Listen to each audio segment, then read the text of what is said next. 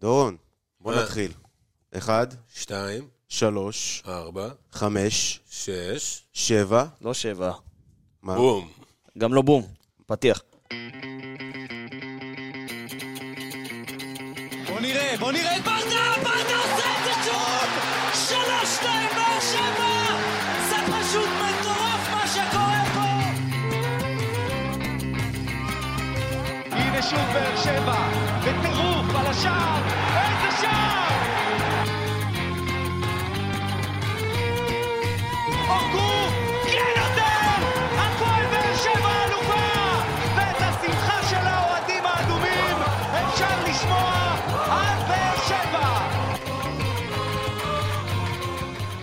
שלום, שלום, שלום. וברוכים הבאים לעוד פרק של פודקאסט האנליסטים. שלנו. שלנו ב... בית קרוצ'י המאוחד, ואני לא צריך להגיד את זה, זה הבית שלי, אז אולי לא אתם תגידו. אז בית קרוצ'י המאוחד. כן. אה, פלד אמר שהוא ממוגן גם. זה מוגן, יש לנו פה ממ"ד אגב. ממ"ד, זה השמועות. זה השמועות. אז הוא ממומד. כן, כן. אז אה, קודם כל, אה, שלום נתנאל קרוצ'י. שלום, שחר מיכלובסקי. שלום גם לדורון היקר, שגם הוא חוזר אלינו ממילואים. נכון, נכון, ברוך הבא. ברוך השב. ברוכים הנמצאים, ברוכים כן, הנמצאים. ועוד פעם, פרק, גם כשאני חוזר ממילואים, כנראה שהפעם זה, זה לתקופה הקרובה. אנחנו מקווים ו- נורא. אנחנו מאוד מקווים, אבל אה, מה שצריך לקרות אה, יקרה. בינתיים, אה, נגיד לכם שאתם מגיעים אלינו לעוד פרק בפודקאסט שלנו, שהוא פודקאסט מבית היוצר של רפאל קבסה. אגדי והאחד והיחיד. כמובן, אה, עוד אה, ברשת שלו כמה וכמה פודקאסטים נוספים, כמו אנליסטים מכבי חיפה, רפואה שלמה, בריאות. אנליסטים מכבי תל אביב, אה, הצלחה... הושענא רבה. הושענא רבה והצלחה נטו בפודקאסט, אתה עוד נתקעת. לפני שמחת תורה. כן. הפועל תל אביב, וביתר ירושלים, הפועל פתח תקווה. כל הישועות, ישועות רכות. כן, כן, חוץ מביתר, כי הם המשחק הבא. אז כן, כאילו... זה- נשלח להם רק טוב מבונה עולם. ובוא נראה אחרי המשחק הבא, ומשבוע הבא. ומשבוע הבא, כמובן האנליסטים אה, רק רשת. רק רשת שזה כדורסל ונחמד ויפה, ואפשר גם ואנחנו לא. מאשימים את מי שאוהב את המשחק הזה. לא, חס ושלום. לא מאשימים, גם לא כדור שופטים. כתום זה נחמד, זה מושך, זה צבעוני. וזהו, כן. נקודה. נקודה, כן. טוב, אז באמת וגם נסכם. פאקו פה. אה, רגע, בסדר, פאקו הרבן זה, כן, אתה יודע, כן. הוא משתלב עם הפרק, כן. הוא ייתן איזה נביחה פעם, והוא חלק בלתי נפרד מול פני קרוצ'י המאוחדים. בהחלט. אה, כמובן שנסכם לכם את הפרק, אה, את הפרק, את המשחק של אה, הפועל באר שבע מול הפועל ירושלים. שהיה אתמול. כן. עוד ניצחון, התחלנו עם שבע בום כי זה ניצחון שביעי ברציפות. עוד חלק מהמהפכה הזאתי. נתי, נקודה שלך ראשונה מהמשחק הזה? אה, קודם כל, נקודה, שלוש נקודות. שלוש אה, נקודות. תרתי משמע, אבל באמת אה, שלוש נקודות אה, מאוד חשובות. הנקודה שלי מהמשחק הזה, היא מתחלקת לשניים. אה, חצי נקודה זה בעצם הניצחון שלקחנו אותו גם ביום פחות טוב, שזה גם גדולה של קבוצה, ולפעמים צריך, ל... יש ניצחונות שצריך לקחת אותם בשיניים, גם כשאתה פחות טוב. אה, החצי נקודה השנייה זה אנדרה פוקו, שאני חושב שאפילו בשני, שניים, שלושה משחקים האחרונים אנחנו קצת ביכולת פחות טובה ממה שהתרגלנו, אבל הוא שומר על יציבות ועושה את עבודת המגן הימני בצורה טובה, כמובן שזה לא אופטימלי, יש הרבה חסרונות, אבל אה, אתמול אה, מהלך אדיר, בישול אדיר, אה, והוא פשוט, פשוט שחקן רכש אה, מעולה ומדהים, וטוב שיש לנו אותו. דורון? ככה, אני חושב שזה היה אחד המשחקים הטקטיים שבאר שבע כן. נתקלה בהם בתקופה האחרונה. זה פעם ראשונה שמישהו אתגר בצורה טקטית מוחצת את ברדה. אמ, ואני חושב שבמשחק הזה ראינו את כל הנקודות ששיפרנו במהלך התקופות האחרונות, ואת כל הנקודות שיש לנו הרבה מה לשפר. אני מתחבר לנקודה של דורון, אני חושב שאתמול היה המבחן הראשון של ברדה, מאז שבאמת יצאנו לרצף הזה. מה ש... שחזרנו ל- לראות את מה שאנחנו רוצים לראות מהפועל באר שבע, מה זה חזרנו? מה שהתחלנו להופיע כמו שאנחנו רוצים לראות מהפועל באר שבע, כי אתמול היה משחק שהרגיש כפעם ראשונה שיש מאמן שבא, למד, ראה מה הפועל באר שבע עשתה ברצף הזה שלה, ולא נתן לה לעשות את הרביעיות ומה שהיא כל כך אה, הייתה רגילה ואוהבת לעשות. נכון? למזלנו אין להפועל ירושלים כל כך הרבה איכות, בעיקר בחלק הקדמי, וזה היה בעוכריהם גם במשחק הזה. אבל uh, בסוף uh, זיו אריה למרות שיש לו סגל אה, לא הכי טוב בליגה, זה מאמן, אה, מאמן עם, אה, עם מחשבה טקטית, הוא, הוא לומד את הוא הקבוצות. לא גנרי. לא גנרי, מתאים את עצמו ליריבות שלו, ואנחנו כנראה שנראה את המבחן הזה נגד קבוצות כמו מכבי חיפה, כמו מכבי תל אביב ב- בסיבוב הבא איתם, ושם אנחנו נצטרך, אה, אנחנו גם להתאים את עצמנו, ולהבין שיש פה קבוצות עם מאמנים קצת יותר עם, אה, עם ראש פתוח, וצריך אה, לשים לב לזה, כי ראינו אתמול, הוא, הוא פשוט שיתק אותנו. לפני... אני חושב שזה גם היה טוב טיפה להוריד את האף לכולם. יפה שזה נעשה בניצחון, אבל בסופו של דבר, אתה יודע, כולם התרגלו לרביעיות, שלישיות. אנחנו גם ראינו שמבחינה סטטיסטית זה קצת אה, נתונים שהם אה, משקרים קצת, אה, אולי נדבר על זה בהמשך, אבל בפועל, אתה צריך גם להבין את הנקודות האלה וללמוד מהן. כן. ואני חושב שזה בשבילנו היה מעולה, לפני שאנחנו מאבדים נקודות סתם מול מכבי חיפה ומכבי תל אביב. עם... נכון. עכשיו בואו, לפני ששנייה ניגע באמת בהפועל באר שבע, מה שתפס לי את העין אתמול, זה גם מה שפלוס מינוס בסוף גם הביא לנו את הניצחון, זה הצורה של הפועל חיפה, איך שהיא שיחקה. כי הקו. באמת, הפועל ירושלים, סליחה. כי א', הקו של הפועל ירושלים, מבחינת קו הגנה, באמת היה מאוד גבוה. ב', מי שלחץ את קו הקישור שלך, לא היה קו הקישור של הפועל ירושלים, כמו שאנחנו רגילים לראות, זה היה קו ההגנה של הפועל ירושלים. כן. עכשיו, כמו שאמרת, נתי, החיסרון שלהם בחלק ההתקפי באמת היה בעוכריהם ודי למזלנו, אבל אני חושב שהפתרון לזה היה פשוט, וראינו אותו יחסית מאוחר במשחק. מה זה יחסית מאוחר? דקה 88, כשאליאס נכנס. אם היינו מוסיפים עוד כוח לאמצע, לשלישייה שתדע לבוא ולא רק שגורדנה ילך וילחץ את קו הבלמים של הפועל חיפה, הפועל, למה הפועל חיפה? אולי צבעים? של הפועל כן, ירושלים.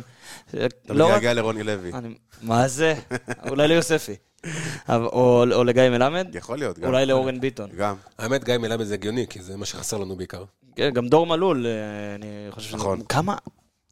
חתם? הפועל, אה, חתם? לא הייתה? הפועל- באר שבע בסוגריים חיפה. כן, זה סניף שלנו בצפון. בקיצור, הפועל ירושלים אתמול לחצה אותנו עם קו בלמים על קו קישור. אני חושב שא', הפתרון היה יחסית פשוט, להוסיף כוח לאמצע, שי אליאס היה צריך להיכנס לטעמי לפחות מוקדם יותר, וברגע שהיינו עושים את זה, היינו נמנעים מהפלונטר של עצמנו.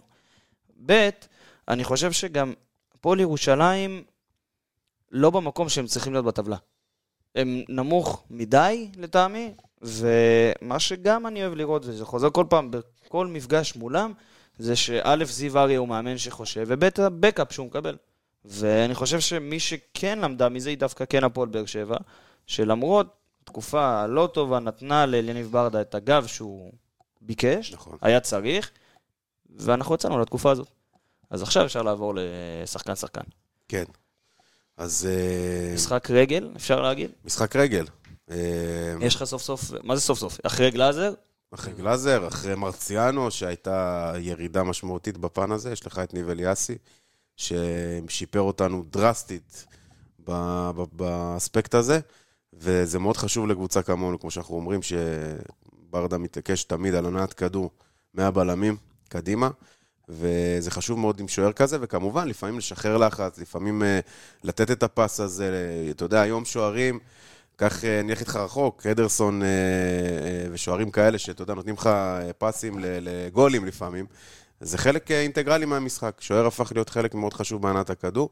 אליאסי עושה את זה נהדר. ו... ואתמול גם, אני לא חושב שהיה לו יותר מדי... לא, גם מבחן. כולם, כולם יזכרו את הדקה הזו במחצית השנייה, שהוא פתאום אה, עבר שחקן של הפועל כן. ירושלים בתוך הרחבה של החמש שלו, ומשם התחיל הדיון הזה בכלל, וכן, וזה טוב. כן. וכן, היו לו גם הרבה מסירות, צריך להגיד, היו לו גם הרבה מסירות לא מוצלחות אתמול. היו לו עשר מסירות לא מוצלחות, אבל הרבה מהם גם בכדורים ארוכים. אבל נקודה חשובה, שהוא עד היום לא נתקל בחלוץ אמיתי שיודע ללחוץ. נכון. זה גם נכון. וברגע שהוא ייתקל במישהו כמו דין דוד, שלוחץ מעולה, אני... יכול להיות שאנחנו פחות נשמח מהנעת כדור הזאת. זה נכון, אבל אני חושב שזה גם המקום של מאמן לבוא ולהגיד, אוקיי, אם יש לי משחק מול חלוץ שלוחץ מעולה, אולי אני אשנה טיפה את, ה, את השיטה שלי כדי להתחיל אולי מטיפה יותר גבוה במשחק. אם זה כדור אצל ניב אליאסי, אולי יהיה לי עדיף להעביר כדור ארוך, ולאו דווקא לשחק עם מסירות קצרות, אבל אני כן מסכים ש... שוב, גם אמרנו את זה בפרק הקודם, הוא בינתיים הוא תגלית העונה מבחינתי. יותר מ- מגנח, דרך אגב, שגם אליו נגיע יותר מאוחר. ימין או שמאל? תמיד ימין. תמיד ימין. תמיד ימין. חברך האהוב, אה, נתי. אנדרי התמנון, פוקו. תשמע, זה שחקן באמת. אה, אני חושב אחד הזרים הטובים שהבאנו בשנים האחרונות. אה, וכן, זה היה קשה לפגוע בזר טוב בשנים האחרונות?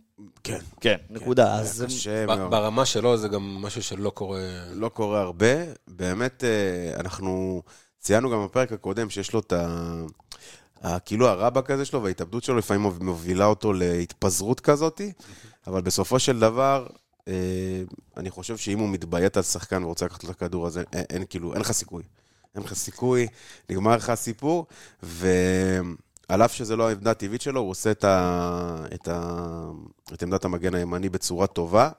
וברדה, יש לו את הקטע הזה שהוא אוהב אה, לקחת שחקנים ולעשות להם איזה הפוך על הפוך. התאמות לעמדות לא להם. בדיוק. ובמהלך הזה של השער, מה שאהבתי לראות, שהוא זיהה את ה... יאו החליק שם. נכון. כן. יאו החליק, הוא זיהה את ההחלקה הזאת, ניצל את זה, עבר אותו, באמת, וגם אה, עם הטעיה נכנס לתוך הרחבה, ואני הבנתי שלקחו לו את הבישול, ולא, כאילו, לא הבנתי למה. מה זה לקחו לו את לקחו? לו את הבישול, ככה אמרו בשידור. למה?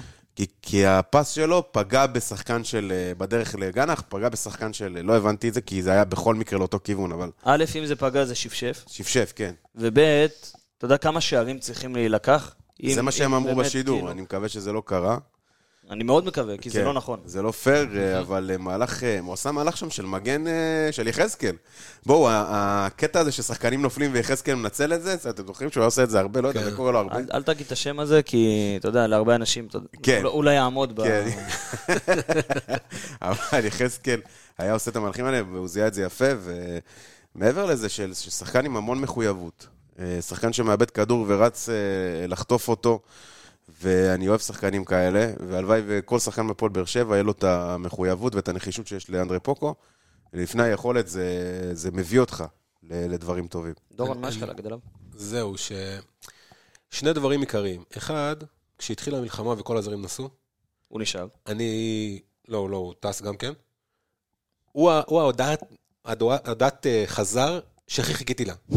אני באמת, עברתי כל פעם ורק קיוויתי שהוא חזר, הוא איתנו, הוא נשאר איתנו. אה, ודבר שני, אה, השינוי המעניין ששמו לו, שהעבירו אותו לעמ- לעמדת המגן, יצר משהו שיכולנו לראות אותו במשחק הזה בצורה משמעותית, זה שקיבלנו עוד מוביל כדור בצד ימין. אם עד היום, אם תסתכלו אחורה, לפני שעוד הציבו את אה, פוקו בצד ימין, מי שהיה משמעותי בהובלת הכדור הקדימה, זה היה לופז. והוא עשה את רוב, ה, רוב המהלכים עברו בסופו של דבר כדרכו, וזה נפתח או, או ימינה או שמאלה. ופתאום אנחנו רואים לאט לאט יותר ויותר, שבמשחק האחרון אין לנו מצב שיש לו את הכי הרבה, נגיעות במגרש. שזה משהו נכון, שהוא... 82 נגיעות. כן, שזה משהו שהוא באמת ביחס, בדרך כלל, שתמיד אני, הכמות הזאת זה אצל לופ- לופז, זה פתאום יצא לנו איזה סוג של איזון, שאני חושב שזה מבורך. אני חושב שמה שאמרנו בהתחלה של הפרק, שאתמול היה מבחן אמיתי פעם ראשונה להפועל באר שבע, הייתה, היה, זה, זה דווקא מהמקום של אה, פוקו כמגן ימני, ועכשיו, ואני אני אסביר. אתמול הפועל באר שבע שיחקה, וגם בכל התקופה שלה משחקת עם תבנית יחסית מאוד מאוד מסוימת. תבנית של להתחיל אצל פוקו מאחורה, להעביר את זה במרכז המגרש לאמצע, לופז יעלה קדימה מצד שמאל, ואז יהיה לך שם הצטרפות או של ספר מהאמצע, או של סטויאנוב באגף שמאל, ומשם כדור לרחבה, ובמשחקים האחרונים זה עבד, זה א'. אבל כשהפועל חיפה עמדה וראתה את זה, וזה יהיה הפועל, עוד פעם, די, הפועל ירושלים. רוני לוי, נשמה, נו, למה, למה, אני לא באמת. לא יודע. לא יודע. כשהפועל ירושלים באמת עמדה, אחרי זה אני אגיד לך למה, אבל כשהפועל ירושלים באמת עמדה וזיהתה את זה, היה לך מאוד קשה לצאת קדימה, במיוחד במחצית הראשונה. ואז מגיע הבישול של פוקו, במחצית השנייה, שזה היה, שזו הייתה הפעם הראשונה, או השנייה במשחק, שהוא באמת הצטרף להתקפה. נכון. והצטרף ויצר דאבל של אה, שחקנים של באר שבע באגף, ניצל טעות בצורה מעולה. ואתה יודע למה היה. צריך לעשות את זה מוקדם יותר? כי עם לופז זה לא עבד. נכון, אם לופז זה לא עבד, ובגלל זה היה צריך להחליף את זה עוד במחצית הראשונה, וזה לא קרה. פה, ממש פה, בקטע הקטן הזה, שהוא התברר כהכי משמעותי במשחק, אה, נמדד אליניב ברדה ונמדד המבחן שלו. כשהוא נתן את ההוראה הזאת במחצית השנייה, וכשפוקו עשה אותה בצורה יחסית טובה גם, כי בוא, מגן תוקף, הוא לא, הוא בקושי מגן.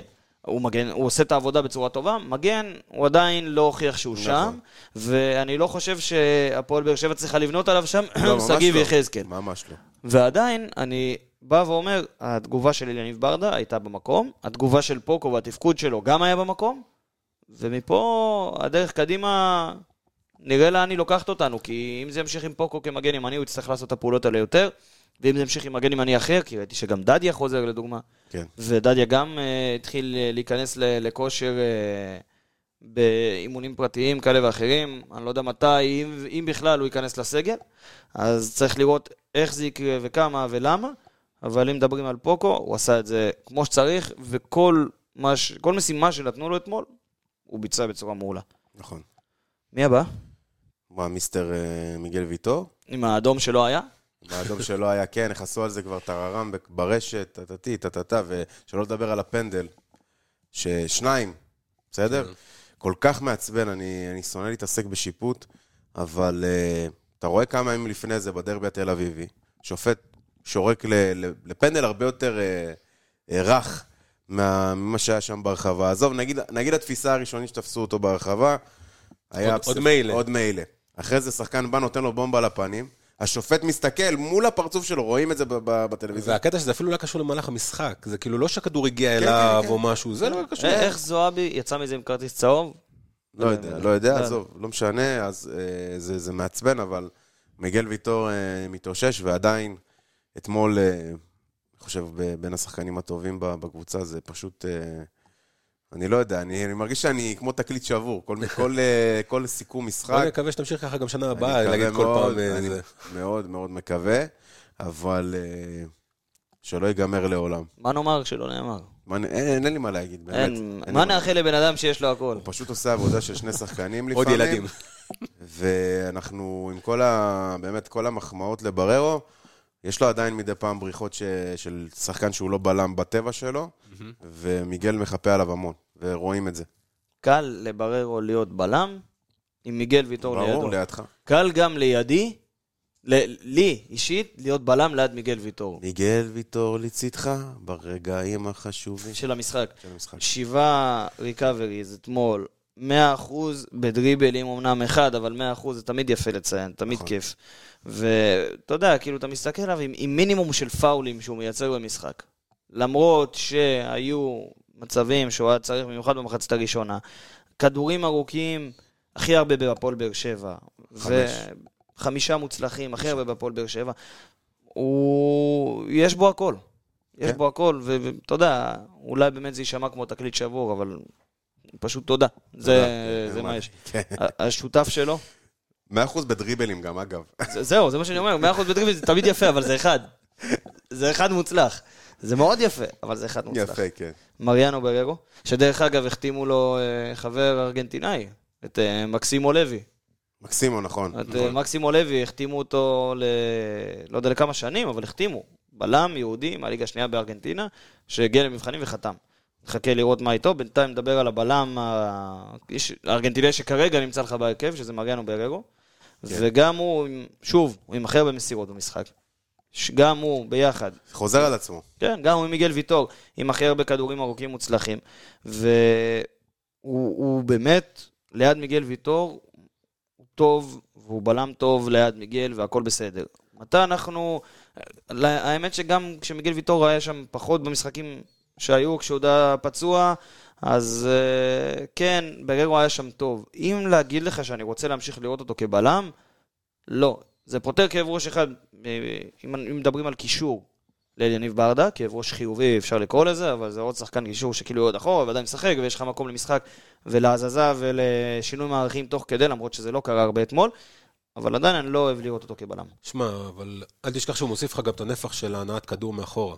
זה נכון. שזה משהו שנגיד אה, איתן טיבי או אבו עביד, כמה שהוא כביכול הם סבבה, אבל הם, הוא עדיין יותר מהם. ובמיוחד ששניהם עכשיו, אה, במיוחד שיש לך כל ארבע, דק, ארבע דקות משחק עכשיו, אז אה, כן. אתה צריך אותו. ball playing center back, וזה משהו שאליניב ברדה, אתה יודע, מאוד, אה, מאוד שם עליו דגש. וכן, הוא מניע כדור הרבה יותר טוב מהשניים שציינת, אבל יחד עם זאת, יש את החסרונות האחרים, שזה ממש פשוט חשיבה של בלם, שהיא פחות קיימת אצלו לפעמים, אבל הוא לאט לאט, אה, אני מאמין ש... אני חושב אה, שזה עניין של. ריכוז. זה, אני לא חושב שזה עניין של ריכוז, אני חושב שזה עניין של עמדת מוצא שהוא שיחק בה כל הקריירה. קשה מאוד לשנות שחקן בגילאים, אתה יודע, במיוחד 27, 8, 9, קשה לשנות שחקן, אה, לשנות לו mindset. מי שמצליח לעשות את זה הוא באמת שחקן גדול. נכון. ברדה מצליח לעשות את זה בהרבה מקרים, אבל יש הרבה בריחות, כמו שאמרת, נתי, שהם כאלה... אתה רואה שזה לא העמדה שלו? כן, אז חד משמעית. לופז? אה, לופז, באחד המשחקים הפחות טובים שלו, מה- כרגע. מהמשחקים האחרונים. אה, למרות שהוא, במחצית הראשונה, היחידי שאיים על השער, כן. בצורה מסוימת, כי עשינו את ה... עשינו את ה-2 on 1 הזה איתו במחצית הראשונה, זה עבד, אבל לא עד הסוף. אה, עשו איתו את הבידוד, הוא נכנס, קיבל אה, דאבל פאס, אה, מי שהיה שם בצד שמאל, לא זוכר מי זה היה. סטויאנוב. אה, סטויאנוב. אה, בעיטה ראשונה מחוץ למסגרת, בעיטה שנייה ברגל ימין, עדיפה של אדלי. אה, ואז משם זה בכלל אה, נעלם. האמת שהתבנית של סטויאנוב, שהוא לקח שמאלה ונתן לו כן. עקב, זה תבנית. שהיא יפה. יפה ממש. תפקיד שעובדת גם. ועבדה כן. גם במשחקים האחרונים. פשוט הפעם, אה, אם במשחקים האחרונים לופז לקח את הכדורים האלה וחילק אותם לחבר'ה שהיו במרכז, היום, אתמול ההתקפה שלנו לא עבדה. כן. ולא היה למי לחלק, והוא היה צריך לעשות את הפעולה הזאת של לבעוט לשער, וזה פחות הקטע שלו. למרות שהוא בא טוב. הוא בא טוב בבעיטה השנייה, אבל שוב, זה... הייתי מעדיף שספר יבעט שמה, או שבאדה, שקיבל כדור, עזוב, על, על מפתן הרחבה, כדור כאילו שרק תשאל את השוער לאיזה פינה, ובעט אותו ל... לממילה, ל... לממילה. למלחה. אמ, אבל אמ, משחק פחות טוב, לא הכי גרוע בקבוצה כמובן, אבל שמע, אם לגעת בשתי נקודות, ברגע שההתקפה לא עובדת, קשה לשחקן כמו לופז לבוא לידי שתי נקודות לגעת בהן ב- באלדר לופז, זה א', היו הרבה עליות וירידות אה, לאורך כל התקופה שלו בהפועל באר שבע. מה שמסמן לדעתי, וזה מדד שבדקתי והיה לי, נראה לי מוזר, אז הלכתי לראות, את המספרים לי מול העיניים, אבל את המגמה יש לי בראש. אני פשוט אוציא אותה. כשאלדר לופז טוב, אתה תראה בסטטיסטיקה שלו, יחסית, הרבה קרוסים למשחק. נכון. וכשאני אומר הרבה, אתמול נגיד, שלושה מוצלחים. וזה כן קרוסים מוצלחים, תלויים גם בנוגח וגם במי שמקבל ברחבה, אבל כשאלדר לופז פחות משמעותי, הוא פחות משמעותי התקפית, וכשהוא פחות משמעותי התקפית, הוא מגביה פחות. כשהוא מגביה פחות, הוא בתקופה פחות טובה. נכון. בהפועל באר שבע, גם אם זה אומר שהיו לו גם תקופות, גם בעונה שעברה בייחוד, שהוא שיחק די כבלם בשלושה בלמים כזה באיזה תבנית מסוימת, כמו שאנחנו רואים עכשיו אותו עולה קדימה, אז היינו רואים אותו נשלח לשלישיית בלמים, ואת. אה, אה, יחזקאל, אני מדבר עוד על העונה שעברה, שתי בעיטות למסגרת הכי הרבה בקבוצה. זהו, אז הוא מאוד מאוד מאוד מעורב התקפית, וזה טוב. עכשיו, השאלה שלי היא שאלה ששאלנו כבר מזמן, האם אלדר לופז הוא המגן השמאלי הטוב ביותר בתולדות הפועל באר שבע? השמאלי הטוב ביותר? בתולדות הפועל באר שבע. אני קשה לי לחשוב על מישהו אחר. שאלה קשה. שאלה קשה. באליפויות הראשונות, לדעתך הוא יותר טוב מקורות? פה הדיון. כי באתי להגיד, באל- באליפות הראשונה וטיפה מההתחלה אחרי זה הלכה את דוד זאדה, לפני שהוא עבר לאירופה, ואז הגיע באמת הוא אה, יותר מגן יותר קורות. טוב מדוד זאדה, חד משמעית. חד משמעית מדוד זאדה. עכשיו, זה מביא אותי, לפני זה אני לא זוכר מגן שמאלי שהיה כל כך דומיננטי כמו אלדר לופז לכל כך הרבה זמן. השאלה היא, אם אתה לוקח את פריים לופז על פריים קורות. קורות היה מגן בסגנון קצת אחר. אני חושב שהוא היה מגן פחות אה, תוקף. אה, למרות שגם לא היו את המספרים שלו. היו לו, כן, הוא היה גם בועט מרחוק לפעמים וכאלה, אבל הם קצת בפרופיל שונה, בתקופה שונה. שים את אל... תשמע, זו שאלה. שים את אלדר. לופז בקבוצה של וואקמה ומליקסון זהו, וזה, השילוב פעול- פעולה פה זהו. הוא משמעותי. בדיוק, אז יכול להיות שהוא היה יותר טוב. אז דווקא בגלל זה אני אומר, לדעתי לופז כן עולה על קורות. יכול להיות. ולדעתי לופז זה כן... דרך אחד ה- אגב, אם דרך אני אגב, שם את לופז בקבוצה הזו, נראה לי שהוא היה מפציץ ופורח. פורח כמו... דרך אגב, אחת הסיבות שלופז היה במשחק חלש, זה שמישהו קיבל לפנים שלו, זה את המגן הימני כל פעם. נכון. לא שחקן הכנף. נכון. הם ברמה הזאת, הם כאילו, הם באו עליו כל הזמן רק כדי, כאילו, זה התוכנית של זיו אריה, וזה כן. הצליח. וזה הצליח, שוב. הוא שיתק אותו. אתה, הוא שיתק את כל באר שבע, שוב, כי כשזיו אריה קלט שאתה הולך מימין לאמצע לשמאל בהתקפה, אז הגיוני שתשים שם מגן, זה עבד. תשים באמצע קו קישור של בלמים גבוה, זה עבד, ולא תיתן ל- לפוקו להעביר את הכדורים אפילו לאמצע, וזה מה ששיתק את הפועל באר שבע פלוס מינוס. נכון. במחצית ראשונה פלוס עשר דקות אחר כך. יומני היקר. יומן ככה, שלום זיו, כאן ספיידרמן, אתה גיבור העל שלי.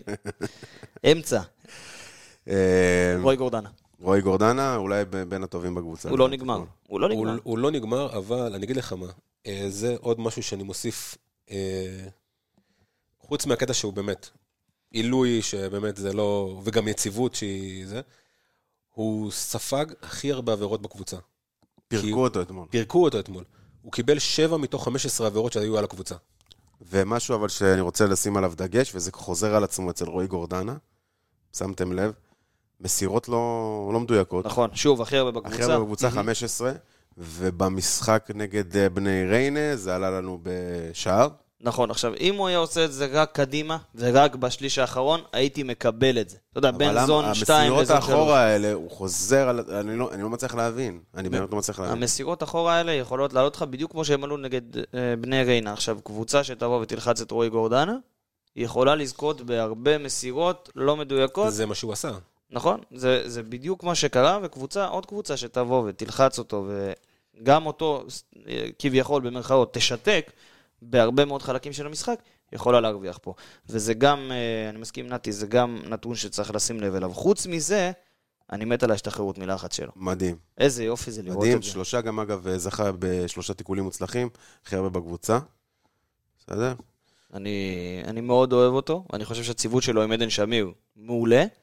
אני כן חושב שהיה מקום להשלים את השלישייה הזאת עם, הש... עם שי אליאס הרבה יותר קודם במשחק, אבל לזה נגיע, נגיע אחרי זה.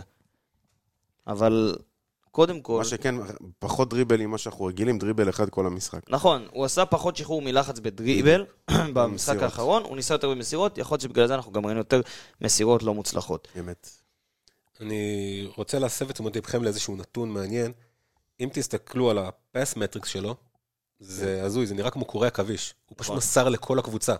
זה פשוט נראה כמו הזוי. מדהים. עם כל הזה שעשו עליו הכי הרבה עבירות, עם זה שהכי היו לו הכי הרבה מסירות לא מוצלחות. הרבה זה, והוא עדיין פשוט התפרס על כולם ופשוט ראה את כולם. זה אמרנו גם בפרק. האחרון, שחלק גדול מהשינוי של הפועל באר שבע והשיפור של הפועל באר שבע זה רועי גורדנה. מאוד תלויים בו ב- בקטע הזה, כי הוא עושה בעצם את כל ה distribution שלך במהלך המשחק, כל החלוקת כדורים, ההשתחררות הזאת מלחץ שעוזרת לך הרבה פעמים לפרום פלונטרים במרכז המגרש. וכשרועי גורדנה טוב, הפועל באר שבע טובה. ואם אנחנו מדברים לפעמים על התלות במיגל ויטור בהגנה, אז לדעתי יש קצת תלות ברועי גורדנה במרכז השדה. אני מאוד מקווה שהפועל באר שבע יצליחו לשים את היד על שחקן שדומה בסגנון לרועי גורדנה, כי אם לא, אנחנו נהיה בבעיה. קדימה. אני- אני אגיד לך מה, אחד, אחד השחקנים שעושה את זה יחסית יפה, זה פוקו. הוא לא משתחרר מלחץ ברמת הדריבל כמו גורדנה, אבל הוא כן יודע כוח. לחלק, הוא, הוא, הוא גם, יש לו הרבה כוח, וגם נותן המון המון מסירות לצדדים. נכון, הפס מטריקס של גורדנה ושל פוקו, הם יחסית, במהות שלהם דומים, כן? פוקו נכון. עושה את זה מהקו, אבל עדיין הם נותנים מסירות באמת להרבה מאוד מקומות, מגוונות. ומאוד מגוונות, לא רק מסירות קצרות או ארוכות, ולא רק מסירות או אחורה או קדימה, מסירות לכל הכיוונים, בכל הסגנונות, ולכל השחקנים. זה אחד הדברים שאהבתי בוויטור. תמיד היה לו את היכולת מסירה, לא הצפויה של תמיד ללכת למגן, ללכת למגן. תמיד, כאילו, הוא היה נותן לכל מיני מסירות. הגיוון, וזה- הגיוון הזה. הגיוון בראש, הגיוון זה הזה. פשוט כאילו... אז אני מקבל את זה, אתה יודע מה? אני מקבל את זה, כש- כשיהיה לך מגן ימני, אולי פוקו יהיה זה שיחליף את רועי גורדנה, מה שסימנו עוד כן. ב- ברגע שפוקו נחת כאן. מי שמשלים את גורדנה זה עדן שמיר, שמי ששם לב בגול, ואני חושב שכולנו שמנו לב בגול, זה שח איתו. איך, איך שהוא נכנס לתוך הרחבה, זה בעצם מה ששחרר את גנח נכון. לעמוד שם לבד ולהבקיע. ורציתי להגיד, דווקא, אה, אתה פשוט הרמת לי להנחתה, מה שנקרא, הוא עשה את זה הרבה פחות ממה שהוא עשה במשחקים האחרונים. ההצטרפות שלו במשחקים האחרונים נעשתה בצורה הרבה יותר טובה, וכמובן הוא כבש שערים בגלל ההצטרפות הזאת. וכשעדן שמיר עושה עבודה שלא כל כך מרגישים אותה, אבל כשהוא לא עושה את ההצטרפויות האלה, אתה, אתה איכשהו מאבד אותו. כי בסופו של דבר זה, ה- זה הבונוס שאתה אמור לקבל מהשחקן. זה כמובן שאנחנו לא מצפים שהוא, שהוא יבקיע כל אה, משחק, אבל עובדה שהוא עשה את זה בפעם היחידה שהוא עשה את זה בצורה טובה, הבקעת השער בזכות זה. לא, הוא לא הבקיע, הבקע את כן, השער בזכות זה. זה, זה, זה מאוד עוזר, כי ברגע שהוא מצטרף לרחבה זה עוד שחקן שההגנה צריכה להתמודד איתו, ולכן ראינו את, אה, את אמיר גנח, נשאר שם לבד, ונותן את. הנגיעה הזו פנימה, כן. אני חושב, אני שם את עצמי רגע בראש של שחקן שבא מול הפועל באר שבע, שחקן קישור, וצריך לשחק מול עדן שמיר. עכשיו, שחקן קישור או בלם, או לא משנה, צריך לשחק מול עדן שמיר. הגיוון שלו, במתי הוא נכנס לרחבה, איך הוא נכנס לרחבה, וכמה עמוק הוא נכנס לרחבה, כי הוא לא עושה את כל פעם את אותה תנועה. הוא פעם עושה חצי תנועה, ופעם עושה אותה שמאלה, ופעם ימינה, ופעם לכיוון הכנף, ופעם יש לכיוון לו את הכושר ואת היכולת לעשות את זה. יש לו את ה... אתה גם, לא רק... כושר אתה צריך, יכולת כמובן, אבל החוכמה לדעת מתי לגוון את הדבר הזה, אני חושב שהפרק הזה... הראיית משחק שלו באמת היא לראות, הוא הוא מזהה מול, על השחקנים מולו, ול- ולומד אותם במהלך המשחק, ואז הוא יודע לעשות את התנועות האלה יותר טוב. הוא כאילו ממש עושה סוג של אה, הוא, הוא קובייה הונגרית. אדפטציה כן, מסוימת. הוא קובייה הונגרית, עדן שמיר. כן. הוא, הוא, הוא לא צפוי, אבל אתה יודע מה יקרה בסוף. כן. זאת אומרת שאתה לא יודע איך אתה תכסה את הצבע באותה כן. פאה של הקובייה, אבל אתה יודע שהוא הוא יכסה אותה בסוף. כמה הוא היה חסר לנו בהתחלה שלנו. והוא, באמת, אני אומר, אולי לא רואים בעין, אה, אפשר לקרוא לזה בלתי מזוינת, את, ה, את כל העבודה שלו, אבל כשמתעמקים בעדן שמיר ספציפית, אתה רואה אה, עולם ומלואו. וזה מוביל אותי מפה ל, לחוליה שפחות עבדה דווקא. כי הרמנו והיה טוב, גם קישור וגם הגנה שעמדו במבחנים שלהם, וחוליה שפחות עבדה אתמול, זאת החוליה ההתקפית. ודווקא אני רוצה להתחיל מהכנפיים. כי יש על מה לדבר בנושא הזה. אנטוניו ספר, כן, במשחקים האחרונים הוא היה ה-go to guy שלך. נכון. אין מה להגיד, בתקופה האחרונה הוא אחד השחקנים שבאמת מסתמנים כ... כבינגו מאוד גדול, ככובע שכולנו אכלנו כמה פעמים, ועדיין אתמול אפשר להגיד, משחק חלש. פחות טוב שלו. משחק חלש, וכשספר, אה, גם, דיברנו על אה, שחקנים שהם קצת, אה, אתה יודע, תלות, כשספר לא טוב, קצת קשה לך, ל, אתה יודע, לפרום את המשחק, לעשות איזה פעולות.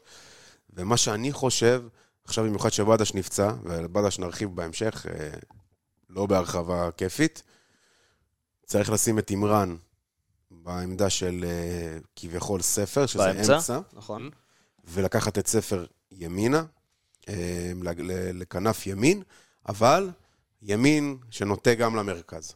נכון, ואז אתה מקבל למרכז. בעצם גם את אימרן וגם את ספר נכון, באמצע. נכון, ואתה לא, אתה נותן לספר את האופציה לבעוט ולעשות כל הדברים שהוא רוצה לעשות. אבל השאלה היא, אם אתה מסתכל טיפה קדימה, האם הוא יכול לעשות את זה ביחד עם פוקו?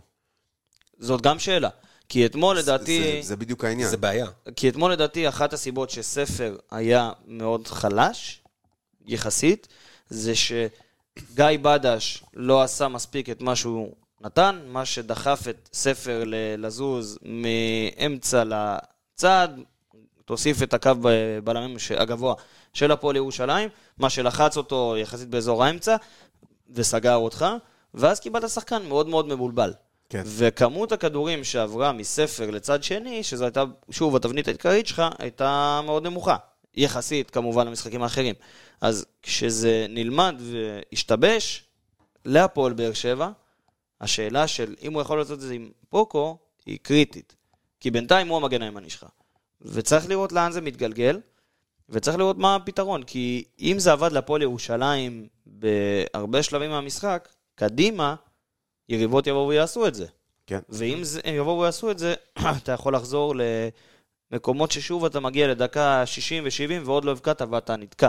ולא הבקעת רביעייה במשחק. בסדר, זה- רביעייה אנחנו לא... ברור, הבנו שזה לא יקרה ברור, כל די. משחק. סתם, אתה יודע, אנקדוטה אבל- כזאת חמודה. כן, כן, אבל, אבל אה, שוב, צריך להבין שהמשחק הזה, אפשר להגיד את זה בצורה ברורה, זה משחק שהזכיר קצת את הפועל באר שבע שלפני התקופה הטובה. זה בדיוק הדברים האלה שנתקענו עליהם, וצריך לדעת איך גם לשחק עם, אה, כשיש לך קצת חסרונות ודברים כאלה שלא לא הכי מסתדרים, והנה בדש עכשיו נפצע. אה, אני חושב באופן כללי שהוא לא היה צריך לפתוח בהרכב. אתה רוצה לעבור אליו כבר? כן, כן. גיא בדש לא שחקן שמתאים להפועל באר שבע, בעיניי חבר'ה, אני מצטער. זהו. זה- הטענה שלי. אתה רוצה שאני ארחיב לך? בוודאי. לא אינטנסיבי מספיק, רך מאוד, אמ, אנרגיה לא טובה. אמ, אני אני לא יודע איך להסביר את זה אפילו. השחקן הזה נראה כאילו רגע לפני פרישה. ו- וזה לא מתאים. לא מתאים, לא מתאים להפועל באר שבע, ואיטי מאוד. אם שהוא עם הכדור, הוא סבבה, אז יש לו את הדריבל הזה וזה, אבל זה לא מספיק להפועל באר שבע. לדעתי. אני אגיד מה, מה אני חושב על גיא בדש. הוא הגיע מהפועל ירושלים, ככוכב של הפועל ירושלים בעונה שעברה, 11 שערי ליגה. ו... הוא בא בפנדלים. בדיוק, שבעה מתוכם, מתוך ה-11 האלה בפנדלים, זאת אומרת מה שמשאיר לנו רק ארבעה שערים ממשחק פתוח.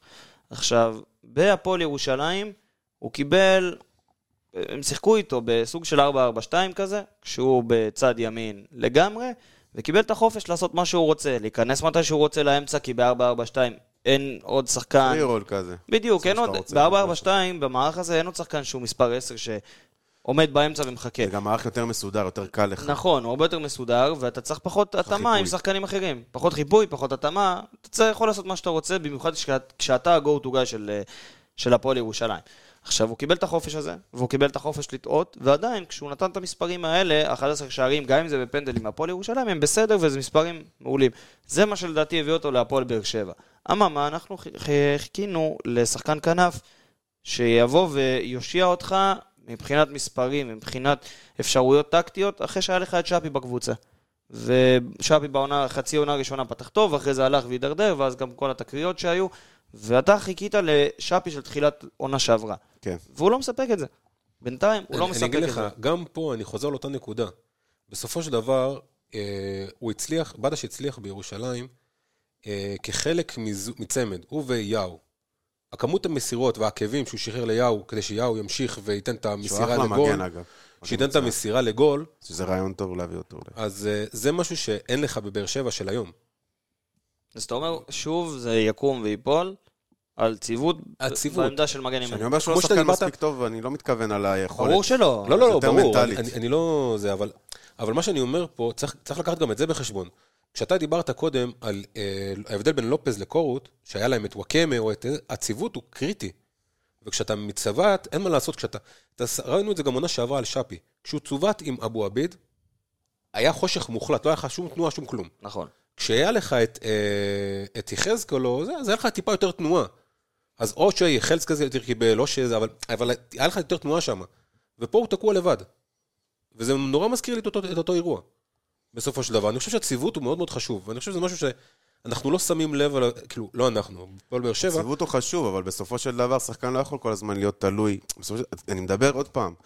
היכולת, אנחנו יודעים שיש לו יכולת, יש לו דריבל, יש לו בעיטה טובה, יש לו הגבהה. אבל ה... ה... נראה שהוא לא מצליח ל... למצוא את עצמו בתוך קבוצה שדורשת ממנו. דורשת ממנו יותר. עמידה טקטית יותר גבוהה. יותר נכונה, אה, אה, אה, בוא נגיד אגרסיביות, מחויבות יותר חזקה. אתה משחק בקבוצה, הפועל ירושלים, כל הכבוד, שאני מאוד מחייב את הקבוצה הזאת, זה לא הפועל באר שבע מבחינת הציפיות והדרישות שלה. עכשיו, דיברנו על זה גם בפרק הקודם, שיכול להיות שהוא באמת מסתגל. כי הוא שיחק בקבוצה, כמו שאמרת, הוא היה כוכב, קבוצה שבה פחות לחץ, וכו' וכו'. אבל אנחנו כבר עוד אוטוטו בפברואר. עזוב שהייתה הפסקה ב- ב- באמצע של המלחמה, אבל זהו, כאילו, קח את עצמך בידיים, ובוא תראה לנו מה אתה יודע. ו- ו- אני לא יודע אפילו איך להסביר את זה, זה נראה כאילו שהוא מרים ידיים מהר, וכל דבר כזה מתסכל אותו. אני ו- חושב שזו תקופה שפשוט גוררת, אתה יודע, את כן, ה... כן, ו... זה דבר שגורר דבר, שגורר דבר, אבל אני אשמח חייבים לאכול את להיות- הכובע, מה שאמרת. דרך אגב, זה שאתה אומר שהוא מרים את הידיים מהר, זה, זה מגיע מביטחון עצמי. אני מקווה, זהו, אז, אז אני אומר, צריך לבנות את זה בלעשות דברים פשוטים, בלשחק פשוט, בלתת פסים פשוטים, ולא להסתבך, ולא לנסות להציל את המולדת, מה שנקרא. ככה אתה בונה ביטחון. ודווקא היה לו איזה שני משחקים טובים, כן. שהוא באמת בישל וזה, ואז עוד פעם, זה כזה עליות וירידות מאוד תלולות איתו. השאלה היא כמה אתה יכול לספוג את זה. זהו, וזה שחקן, במיוחד בעמדה הזאת, שחקנים שצריכים לנפק לך מספרים. כן. בין כן. אם זה שפי, בין אם זה אצילי, להבדיל אלף אלפי הבדלות, מכבי אתה יודע, חיפה. אני, אני לא אוהב לשפוט הרבה שחקנים על מספרים, אבל בעמדות כאלה זאת קריטיות, עמדת מפתח. במיוחד בשיטה כזו, כן, כנפיים צריכים לספק לך מספרים. את המספרים שבינתיים סיפק לך בתקופה הזו אנטוניו ספר, נכון. אלה מספרים שאני מצפה משחקן כנף, שאני פותח איתו או אבל משחק איתו. ספר יותר מתאים לטיפה יותר מעמדה מרכזית מאשר בצד אה, ימין. נכון, קלאסי. ועדיין אני חושב שאתמול היה מקום להכניס, נגיד, שבדש נפצע, או דיברנו על זה, אני ואתה ענתי במחצית הראשונה כן. עוד, של זה לא עבד, תוציא את בדש, תזיז את ספר לצד, תכניס את תמרן ותקבל בדיוק. עוד אמצע, אמצע התקפי. מחוזק. כן. זה מה שקיבלנו בסוף. אמ, סטויאנוב, כי על סטויאנוב יש לי מה להגיד. משחק מאוד- חלש. משחק חלש, כן? הוא שוב מראה כמה טוב הוא יכול להיות. נכון. אני חושב שזה היה בדקה 35, 6, הייתה לו יציאה קדימה, שהוא יצא ועבר שני שחקנים והגיע לקצה של הרחבה, ואתה יודע, אתה מצד אחד אתה צועק תמסור, אבל אני בלב שלי רציתי לראות לאן הוא מגיע בלי המסירה. ונכון, הוא איבד את הכדור בשנייה האחרונה על הקצה של הרחבה, אבל שמחתי שהוא לא מסר. אני כל כך אוהב את התנועה שלו עם הכדור, את הדריבל שלו עם הכדור, את מה שהוא נותן לך, את ה... כושר גופני פסיכי גם. ואת לא הקבלת... מתעייף. וקבלת החלטות. קבלת החלטות טובה, מאוד. אז אני חושב שאתמול הייתה לו קבלת החלטות פחות טובה. אני מדבר על האופי של השחקן האופי, כרגע. כן. אתמול, נכון, היה לו משחק כן. פחות טוב. יוני כן. סטויאנוב, כשהוא מבחינתי, מקבל החלטות טוב, הוא שחקן על. מבחינתי על. בעונה הבאה, הוא הסטאר של הקבוצה הזאת. אני נקודה. חושב שזאת אחת, אחת ההחלטות למה באר שבע לקחה אותו בסוף ולא את ליוס שהם רצו. שלך אז שבלאומית היו שתיים שבלטו, ליוס נכון. והוא, ובסופו של דבר לקחו אותו, כי, כי ראו שמבחינת קבלת החלטות, מבחינת בגרות, בסופו של דבר הוא מתאים יותר לקבוצה גדולה מאשר אה, זה. אני חושב שזה אחת הסיבות, ואני רואה אותו צומח וגדל, והלוואי ועוד יהיה איתנו עוד שנים קדימה. או כן, שישמין את הקופה של המועדון בכמה כמה כן. מיליונים טובים, כן. גם טוב. וגם וגם. זה לא סותר את זה. כן. אני כל כך אוהב את סטויאנוב, למרות שאתמול, צריך להגיד, משחק פחות טוב שלו. חתואל? לא, מורגש? לא. לא. אני... לא הרגשתי אותו במשחק. אני, אני אגיד לכם מה, היה לי, היה לי איתו בעיה את- אתמול. עוד פעם הוא- מוצב בשפיץ, אני חושב שזה עושה לו עוול. היה לי איתו בעיה, אבל לא על זה, על הגישה. לא קשור, עזוב אני כל הקטע של כשהוא כן אה, מתעצבן על חילופים, לא מתעצבן, סבבה, זה עניין של רעב, זה אני לא לא- מתייחס לזה. אבל מה שאני כן מתייחס, ש, שלפעמים הוא כל כך מחפש את השער, היה לו גם אתמול איזה... גם אם הוא כמה מוסר, סיטואציות גם אם הוא היה מוס- גם אם הוא היה מוסר את הכדור, או זה, אז זה היה, זה היה יכול להיכנס או להיות יותר מעניין. עכשיו, לא רק זה, גם היה כמה סיטואציות שאתה מכיר את זה שחלוץ מוסר מסירה לשחקן כנף, בידיעה שהוא לא יוכל להבקיע את זה, לא מוסר לו את זה יותר מדי הצידה בכוונה כדי שהוא יצטרך להחזיר לו, כן. כן. היה לו את זה גם כן. אני- היה לו אני- כמה אני נקודות מסכים. כאלה, אני מסכים. וזה, וזה מסירות שהן כל כך מעצבנות אותי, כי זה מראה שאתה חושב על עצמך הרבה יותר מעל הקבוצה. עכשיו, שוב, יכול להיות שזה עניין של, אתה יודע, תפסנו אותו ביום לא טוב, ואז כשאתה מגיע לנקודות שהן זה, יכול להיות. אבל זה, זה, זה היה לי משהו שקצת אה, הפריע לי במשחק אני שלו. יכול להבין אותך. אני מסכים איתך שהצבא שלו כחלוץ שפיץ עשה לו עוול. עושה לו עוול. אני חושב ש... אני. חושב, כן, אני חושב שהשיטה שהפועל באר שבע מנסה לשחק בה, מחייבת אותך לשחק עם שחקן בסטייל של רותם חתואל בשפיץ. אני חושב שאישית לרותם חתואל לא טוב להיות בשפיץ. את- אתה לא יכול לשחק עם אלון תורג'מן? זהו. אני חושב שכן, חושב שכן, למרות ש... אבל מה קורה אז? מה אתה עושה עם סטויאנו? מה אתה עושה? הבעיה? זהו, זה הבעיה, כי התנועה של אה, אלון. תורג'מן היא הרבה יותר אה, שבלונית מאשר התנועה של חתואל כדי לשחרר שחקנים אחרים. אממה, מה שדורון אומר נכון, אני לא יודע כמה אתה יכול לבנות על רותם חתואל כדי לשחרר שחקנים אחרים. עכשיו, רותם חתואל, בגלל האופי שלו. תעשי, כן, בגלל האופי שהוא רוצה תמיד להבקיע. עכשיו, זה טוב מצד שחקן התקפה מצד אחד, מצד שני, זה לא משהו, אתה יודע, בשבילך, בשביל אה, היה לו גם לבנות עליו סיטואציה שיטה. שהשתגעתי, כאילו, הוא קיבל כדור במקום למסור, בעט איזה בעיטה כזאת הזויה. כאילו, אני, אני אגיד לך מה, מה אני חושב על חתואל. אני חושב שרותם חתואל נכנס, היה נכנס למשחק פעם, רק אחרי שהוא היה עובר שחקן או שניים בדריבל מוצלח. רותם חתואל התבגר, למד, הבין שהוא צריך גם לשתף במשחק שלו אחרים, ואז הוא היה נותן מסירה, שתיים, שלוש, עוד דריבל, הוא היה נכנס ברצף של כמה פעולות למשחק. אתמול, יכולת לראות שהוא נתן רק... קשה לו לעשות את זה, אבל יותר קשה לעשות את זה. מהאמצע. הרבה יותר קשה זה א', אבל עדיין, את הדריבלים, בגלל זה ראינו את מספר הדריבלים שלו יורד. כי מה לעשות, אם אתה חלוץ אחד באמצע, יש עליך שני שומרים, שזה שני בלמים. עכשיו, זה עבר למסירות, בגלל זה אמרתי, האבולוציה של רותם חתואל הייתה שהוא נכנס למשחק דרך מסירות, וזה היה יפה לראות את זה. אממה, אתמול היה לו רק שבעה מסירות אה, מוצלחות. ועוד שלוש לא מוצלחות. זאת אומרת, ניסה למסור רק עשר פעמים. וגם אז היו את המסירות שדורון דיבר עליהן, של מסירות שהן יותר מדי לצד. ומסירות מאוד שהן... מכשילות. כן, כאילו לה, להגיד מסרתי. אז היו לו איזה שתיים, שלוש כאלה. אז אתמול זה המשחק שמסכם את ה... למה רותם חתואל לא צריך להיות בשפיץ, אבל מצד שני זה פרדוקס, כי הפועל באר שבע צריכה לשחק עם מישהו כמוהו בשפיץ. נכון. אז זה משהו שצריך לראות איך אנחנו מתמודדים איתו. שחקן שמתאים לפולס 9 כזה, אה, יותר מאשר תורג'מן. תורג'מן יותר חלוץ אה, תשע קלאסי. אני גם חושב, אני, אם אתה שואל אותי, הפתרון של אליניב ברדה לדבר הזה, פשוט להוריד אותו מדרגה אחורה ולא להוסיף עוד חלוץ לידו. ואז הוא יכול ללכת קדימה, יכול ללכת אחורה, הוא ייכנס לרחבה, שחקן אחר ייכנס לרחבה. כן. אני בתבנית הזאת רואה הרבה פעמים, נגיד אם אתה תוקף מימין, אז את לופז נכנס לרחבה, וגם הוא פתאום יכול להופיע לך כחלוץ במרכאות. כן. בתפקוד שלו, עדן שמיר בהצטרפות שלו. אני חושב שהפולס ליין זה הפתרון ל- לעניין הזה. לברדה פתרונים. ברדה פתאום, אם הוא שומע, זה כמו, אז זוכר את הפרק הזה שגנבו לו את האוטו והחזירו, ואז אמרנו שפלד ייקח אותו לשטיפה. יכול להיות שפלד באמת לקח אותו לשטיפה, אני לא יודע. סיכוי גדול שפלד לקח אותו לשטיפה, בלי שברדה יודע. ברהט. ובלי שברדה יודע. כן, בלי שברדה יודע. ב- כן. אמיר גנח? אמיר גנח עשה... הנה, פאקו הביע את דעתו, כן. פאקו אמר שזה היה אחלה שער אה, בכלבית, אבל אה, אמיר גנח עשה את מה שמצופה משחקן מחליף שעולה. נכנס. שינה. שם שינה, גול. שם גול. לא לא אגיד שקצת... לא, אתה יודע מה? לא שינה. בהתחלה קצת לא, לא לא, הורגש. הלך, ו...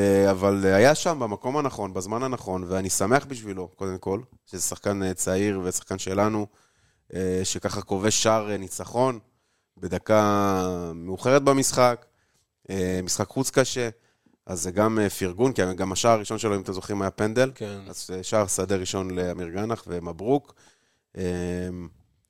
אבל אה, בסוף בסוף אמרנו, הוא לא השפיע, כן השפיע, השפיע, שחקן מעולה. מעולה. מעולה. שם שער, השפיע על המשחק. אז מה זה השפיע? ניצח את המשחק. ניצח את המשחק. כן.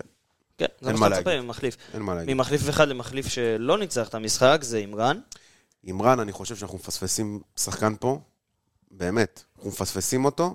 אנחנו הבטחנו תגובה של איציק טפירו, הסוכן שהביא אותו נכון, לארץ, ולא הבאנו אותו, אז זה יגיע. זה יגיע. זה יגיע. ואני חושב, בדקתי את העניין של אימרן, אני, אני רק אסתכל שוב, אני חושב שהוא, אה, בדש, יש לו שני בישולים, אני חושב באיזה 900 ומשהו דקות. אימרן יש לו שני בישולים כן. ב-200 דקות. זה- אני אגיד לך מה, אימרן הוא שחקן שהרבה יותר מתאים לשחק כעשר מאשר גיא בדש. ואני חושב שזה שוב עניין ההצבות הזה. של שוב העניין הטוב, הוא לא בדיוק בעמדה שלו, זה יהיה בסדר, הוא יסתדר. רואים עם אה, בדש, שזה לא הכי מסתדר. רואים עם אימרן, שהוא מצליח להביא את עצמו לידי ביטוי מאזור העשר יותר. עכשיו, אתמול אני חושב שהוא בכדורסל, אה, אם דיברנו על הכדור הכתום, אומרים לחמם את הידית, אז היה לו איזה שני מצבים אתמול שהוא כן היה צריך להבקיע בהם. לא מצבים קלים, אבל שני מצבים שאני מצפה משחקן, כי ראינו כולנו את, את הסרטונים שלו לפני שהוא הגיע והכל, ואת הדיבור שהיה עליו, כן. לנצל את הטכניקה שכן יש לו, דוגמת הכדור שהוא עצר עם העקב, כן, זה היה מדהים. זה היה... זה- זאת הייתה עצירה מדהימה, אבל אני חושב שהפעם הראשונה שהוא ניסה, ואז בפעם השנייה שהוא ניסה, זה היה כבר, זה חוסר זה היה too ביטחון. much, כן. אני זה- חושב שהוא היה צריך למסור את זה. כן. אני גם חושב. היה שם שחקן פנוי שהיה יכול לקבל את זה. בקלות. עכשיו, אה, יש לי להגיד לכם, אם אנחנו מחלקים את, ה... את כל ה... אם אנחנו מדברים עליכם, מה אנחנו עושים עם עומר בעצם? יש לנו בשפיץ לצורך העניין את חתואל ותורג'מן כרגע. נכון. ימין, ספר בדש, נכון? אה, אמצע, ספר עומר, ושמאל, יוני וגנח. עכשיו, ימין, שימו לב לפלונטר שנוצר פה. אני חושב שאליניב מלכתחילה בנה על אה, ספר כשחקן עשר, יותר מאשר שחקן אתה כנף. חושב? כן, כן. אוקיי. וכי בדש היה מיועד לצד אה, ימין, אם נסתכל על זה בצורה רחבה. ומה שקורה כרגע זה שעומר סוג של נופל בין הכיסאות. כן, כי אתה לא סגור עם בדש אה, ישחק או לא, ואתה לא. סגור עם ספר אה, מתאים אה, לאגף, מתאים או עשר. לא מתאים, דיברנו על זה מקודם. עכשיו, אם, אם אתה ככה, ובינתיים, אם אתם שמים לב, ברדה מנסה לשחק איתו כל פעם בעמדות שהן קצת פחות מתאימות לו. כן. הוא עושה את זה נחמד, אבל זה כאילו, זה כמו שהיה אז עם ספורי, נכון. אתה לוקח את ספורי, שם אותו באגף ימין, ומיכה נכנס לאמצע. זה לא זה, זה לא זה. זה לא זה. זה לא זה. שחקן, עומר שחקן עשר קלאסי. קלאסי, אבל מוכשר, יודע למסור, יודע להשתחרר מלחץ. יודע להשתחרר מלחץ, הוא עשה את זה יפה גם במשחק קודם. אה, יודע להשתחרר מלחץ, יודע לבעוט, יודע למסור, ואנחנו מפספסים אותו. אני אני חושב- חושב שמפספסים אותו, וברדה אולי צריך לנסות לעשות איזשהו... איזושהי, לא יודע, חשיבה מחדש? חשיבה אולי, מחדש. אולי עכשיו זאת תהיה ההזדמנות שלו. כש- זהו, עם כש- הפציעה. עם הפציעה של אה, בדיוק, אז בדש. בוא נראה. בוא נראה מה, מה, מה אני אפשר חושב לעשות שזאת שם. ההזדמנות של, אה, של אימרן, וזאת ההזדמנות של ברדה להבין מי הולך לאן. כי אני גם צריך להגיד את זה. אני מקווה מאוד אפילו שברדה, במקום חתואל. במקום חתואל בתור חלוץ, בתור false false יוצא nine, שם מדומה. זאת גם אופציה. אבל אני אומר, אולי עכשיו, עם אפילו הפציעה של בדש, באמת נוכל למצוא פתאום את ספר שנכנס מהאמצע, מ- מימין לאמצע, ואז את אימרן הולך קדימה לאזור, או שהוא מקבל את הכדור, או שהוא לא עם הכדור והולך קדימה. מה שיכול ליצור את הרווח שהם יכולים לשחק בו גם ספר וגם אימרן. כי מאימרן אני לא מצפה ללכת לכנף. אולי אימרן- גם, אגב, לעשות אימרן- רוטציה ביניהם. לא, אני אני אגיד לך מה. חילופי מקומות. לא, אני לא אוהב את זה. לא? כי מצד אחד, אנחנו אומרים, טוב, חילופי מקומות יעזרו, אבל מצד שני הסכמנו ממש לפני שנייה שאימרן הוא לא שחקן שהולך לכנף. הוא שחקן עשר ה- קלאסי. כן. אז אני אומר, דווקא, אני חושב שלעשות מין תנועה כזאת של אה, רש, רש הפוכה כזאת, כמו אל, זאת אוקיי. אומרת שספר ייכנס מימין לאמצע, ואותה נקודה שהוא מגיע אליה באמצע, אימרן ילך קדימה. הבנתי. אתה מבין מה אוקיי, אני אומר? כן, כן. אפילו כן. או קדימה או אחורה. אם כן. אחורה אתה רוצה יצירתיות מהמרכז ויותר אחורה, או קדימה אם אתה רוצה לשחרר עוד שחקן לאזור קו הרחבה. זה מה שאני חושב שצריך יניב, לקרות. אם אתה שומע אותנו, לך הפתרונים. מה ש... אני חושב גם, אני מקווה לפחות, שברדה לא יפחד, נגיד וזה יעבוד, לא ינסה להכניס את בדש בכוח, יכריח אותו, כאילו, אתה יודע, זה יכול לפגוע גם בשחקן אחרי זה כשהוא חוזר, וגם בקבוצה שלך שמערך לא יעבוד. אני חושב שאנחנו, מה שאנחנו מפספס- מפספסים מהעומר זה שחקן של מספרים בעיניי. אני גם חושב, אני גם וחבל. חושב. חבל, ו- אמנם ואם אתמול אתה... פספס את זה, אבל... אה, כן. ואם אתה עוד פעם כזה לא יודע מה לעשות איתו ושם אותו כאן ואתה לא יודע מה זה, אז וואלה. תמצא לו כבר קבוצה בקיץ. נכון? אלון תורג'מן? לא, לא יודע, לא... פרווה, פרווה מאוד. כן, הוא- לא... הוא מאוד שבלוני. לא, אבל שחקן כזה... התנועה שלו, התנועה שלו, היא- הוא מוסיף. הוא מוסיף, לך- כי כל המסירות שלו הן אבל מקדמות. זה שחקן נכון. שלו, קשה לו להשפיע על משחק בזמן כל כך זהו. זה בגלל שהוא גם, בגלל שהוא מאוד שבלוני, אז גם מאוד קל להתכונן אליו מראש. אתה מבין, שחקן שאתה יודע שהוא יכניס אותו, אז בתור מאמן, או בתור... אה, זה, אתה יודע מה איזה תנועות הוא הולך לעשות. אתה אומר לשחקן ש- שהוא, נכ- ברגע שהוא נכנס, אתה רק נותן הוראה לבלם ששומר עליו, הוא אומר לו, שמע, הוא עושה את התנועה הזאת, הוא יודע מראש כבר. וסגרת אותו לאורך כל מה שהוא ייכנס. בגלל זה זה עונה לך על השאלה קודם של להחליף את חתואל בתורג'מן, זה די טריקי. כן. שי אליאס, שנכנס דקה 88, שיחק שתיים, לא, שתי לא דקות. יכול- שתי דקות, אין כל כך מה להבין לא- לא קיבל. צהוב. לא קיבל צהוב. אבל, אבל, מה שאתה אמרת, אה, רואים גם בדוח ש... של המשחק את הפתיחה של המערכים שפתחו את המשחק, ואתה רואה באמת איך אה, הפועל ירושלים, יש להם יתרון עליך במרכז המגרש. שלושה שחקנים על שניים. וכמו שאמרת, כשאליאס נכנס, אפילו לשתי דקות האלה, הוא לא השפיע עכשיו ברמה זה, אבל זה נראה קצת יותר טוב. נכון? זה נראה והביא לך ככה... שלוש על שלוש במקום כן. שלוש על שניים. בדיוק. הגענו לסוף, סוף ההרכב שלנו, ניצחון, ניצחון חשוב. 1-0, חשוב, ניצחון שביעי רצוף. שביעי רצוף, שבע בום, שבע בום. כבר היה לנו פרק כזה. כן. מבחן ראשון. מה קרה אחריו? וואה, וואו. אני לא זוכר, אבל אנחנו כרגע השווינו את השיא של שנה שעברה, של שבע ניצחונות, שבעה ניצחונות רצופים. אוקיי. בוא נקווה שנשבור את השיא. מה הלימיט של העונה הזאת? מקום שלישי? אני לא, אני לא בטוח. אני חושב שכמובן הסיכויים נמוכים, כי אנחנו פתחנו את העונה מזעזע, אבל אם אנחנו נמשיך במומנטום טוב, ובסוף אה, המכביות אה, יאכלו את עצמם. אז אתה יכול לצמצם.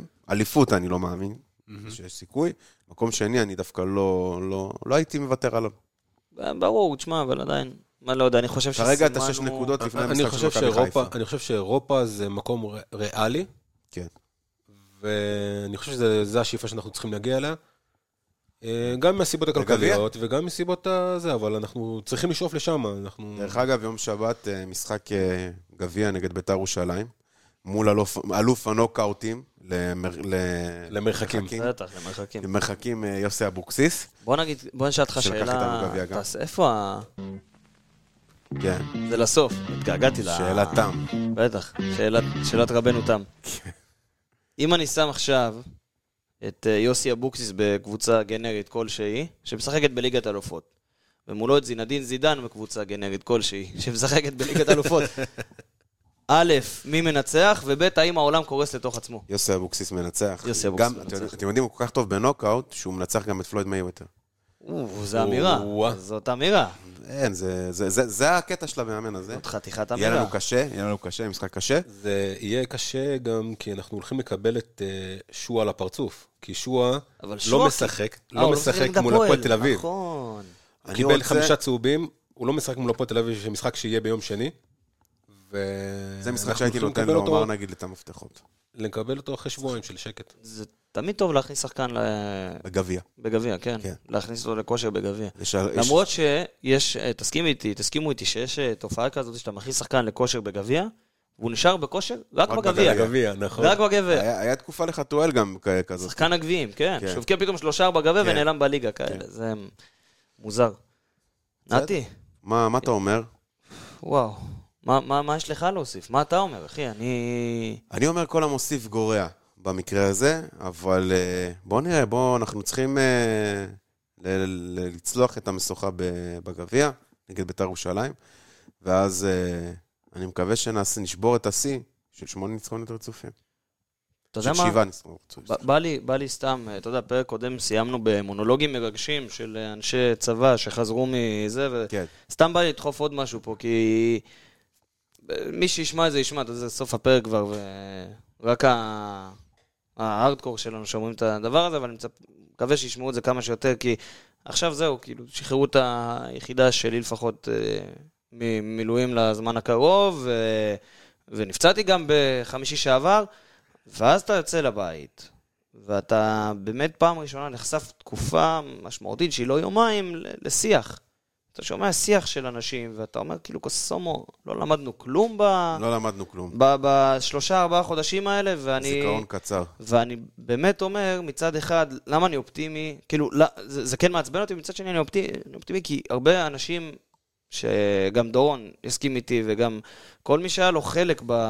ב, ב להיות כחלק שוב מהצבא בשלושה, ארבעה חודשים האחרונים, יבוא ויסכים שכולנו היינו, אתה יודע, זה, גייסו באזור ה-300 אלף איש, לאף אחד לא היה את השיחות האלה, מה אכפת לי, מה אתה חושב על רפורמה כזאת או אחרת, או על... לא, גם אם היה פוליטיקה, זה היה, היה- ב- היה בסבבה, נכון. היה בטוב, כי לא אתה היה לך יודע שאתה הולך לישון ברעל. עם הבן אדם כן. בסוף באוהל באותו, באותו ערב.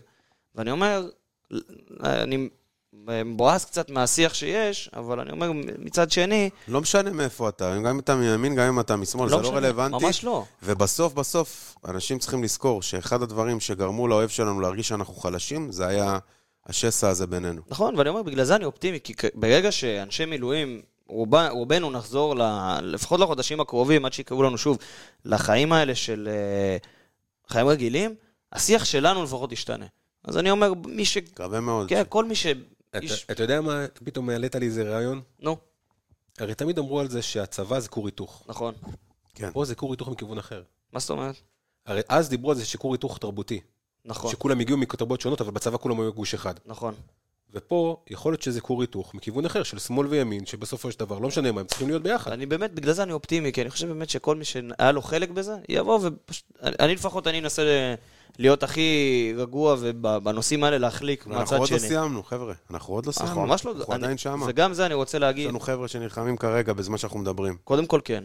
אבל אני גם רוצה להגיד, גם אם, אם כבר לסגור את זה, אני באיזה, לא איזה מומחה גדול לענייני צבא, אבל חומת מגן, זה מה שהסבירו לי לפחות, ואני קיבלתי את ההסבר, עוד כשהיינו בפנים. חומת מגן התחילה ב-2002, הסתיימה כמה שנים אחר כך. נכון. גם פה, בתור uh, מישהו שהיה בפנים ועשה את העבודה הזאת, זה לא עבודה שתיגמר בחצי שנה או שנה. נכון. ייקח לזה זמן, תנו לצבא את הזמן שלו. וזהו, כן, וזהו. בהצלחה לכולנו. כן. נתי, סגרתי אה, טיסה למדריד, אה, טיול אחרי צבא. יפה, מברוק. כן, כן, יפה, טיול אחרי צבא. טובה. כן. מה, נו, ומה הדיבור? אתה הולך להאריך שיער וכאלה? בטח, אני הולך לסייע לגדל חרוזים בזקן. לגדל את החרוזים עצמם. את החרוזים את החרוזים עצמם, אה, לפתוח בסטה בטיילת באילת. יאללה, שיהיה בהצלחה, מה אני אגיד לכם, חבר'ה? היה תענוג. נתנאל קרוצ'י. אה, שחר מיכלובסקי, תודה רבה. ו- דורון אברהם, תודה רבה. ושיהיה לנו בהצלחה. יאללה, פאקו, הפועל. פאקו. פאקו, תודה רבה. ושיהיה בהצלחה. בוא נראה, בוא נראה את ברדה, ברדה עושה את זה שוב! שלוש, שתיים, באר שבע! זה פשוט